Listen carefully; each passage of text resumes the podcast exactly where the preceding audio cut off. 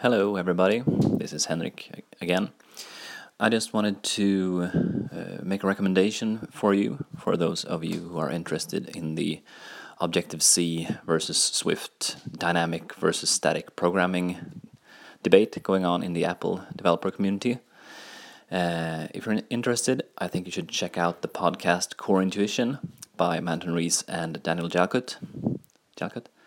Sorry for mispronouncing your last name, Daniel.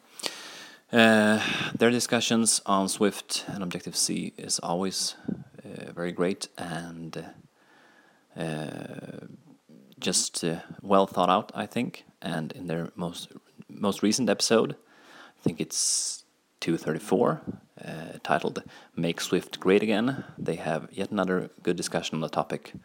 So, if you're interested, give it a listen.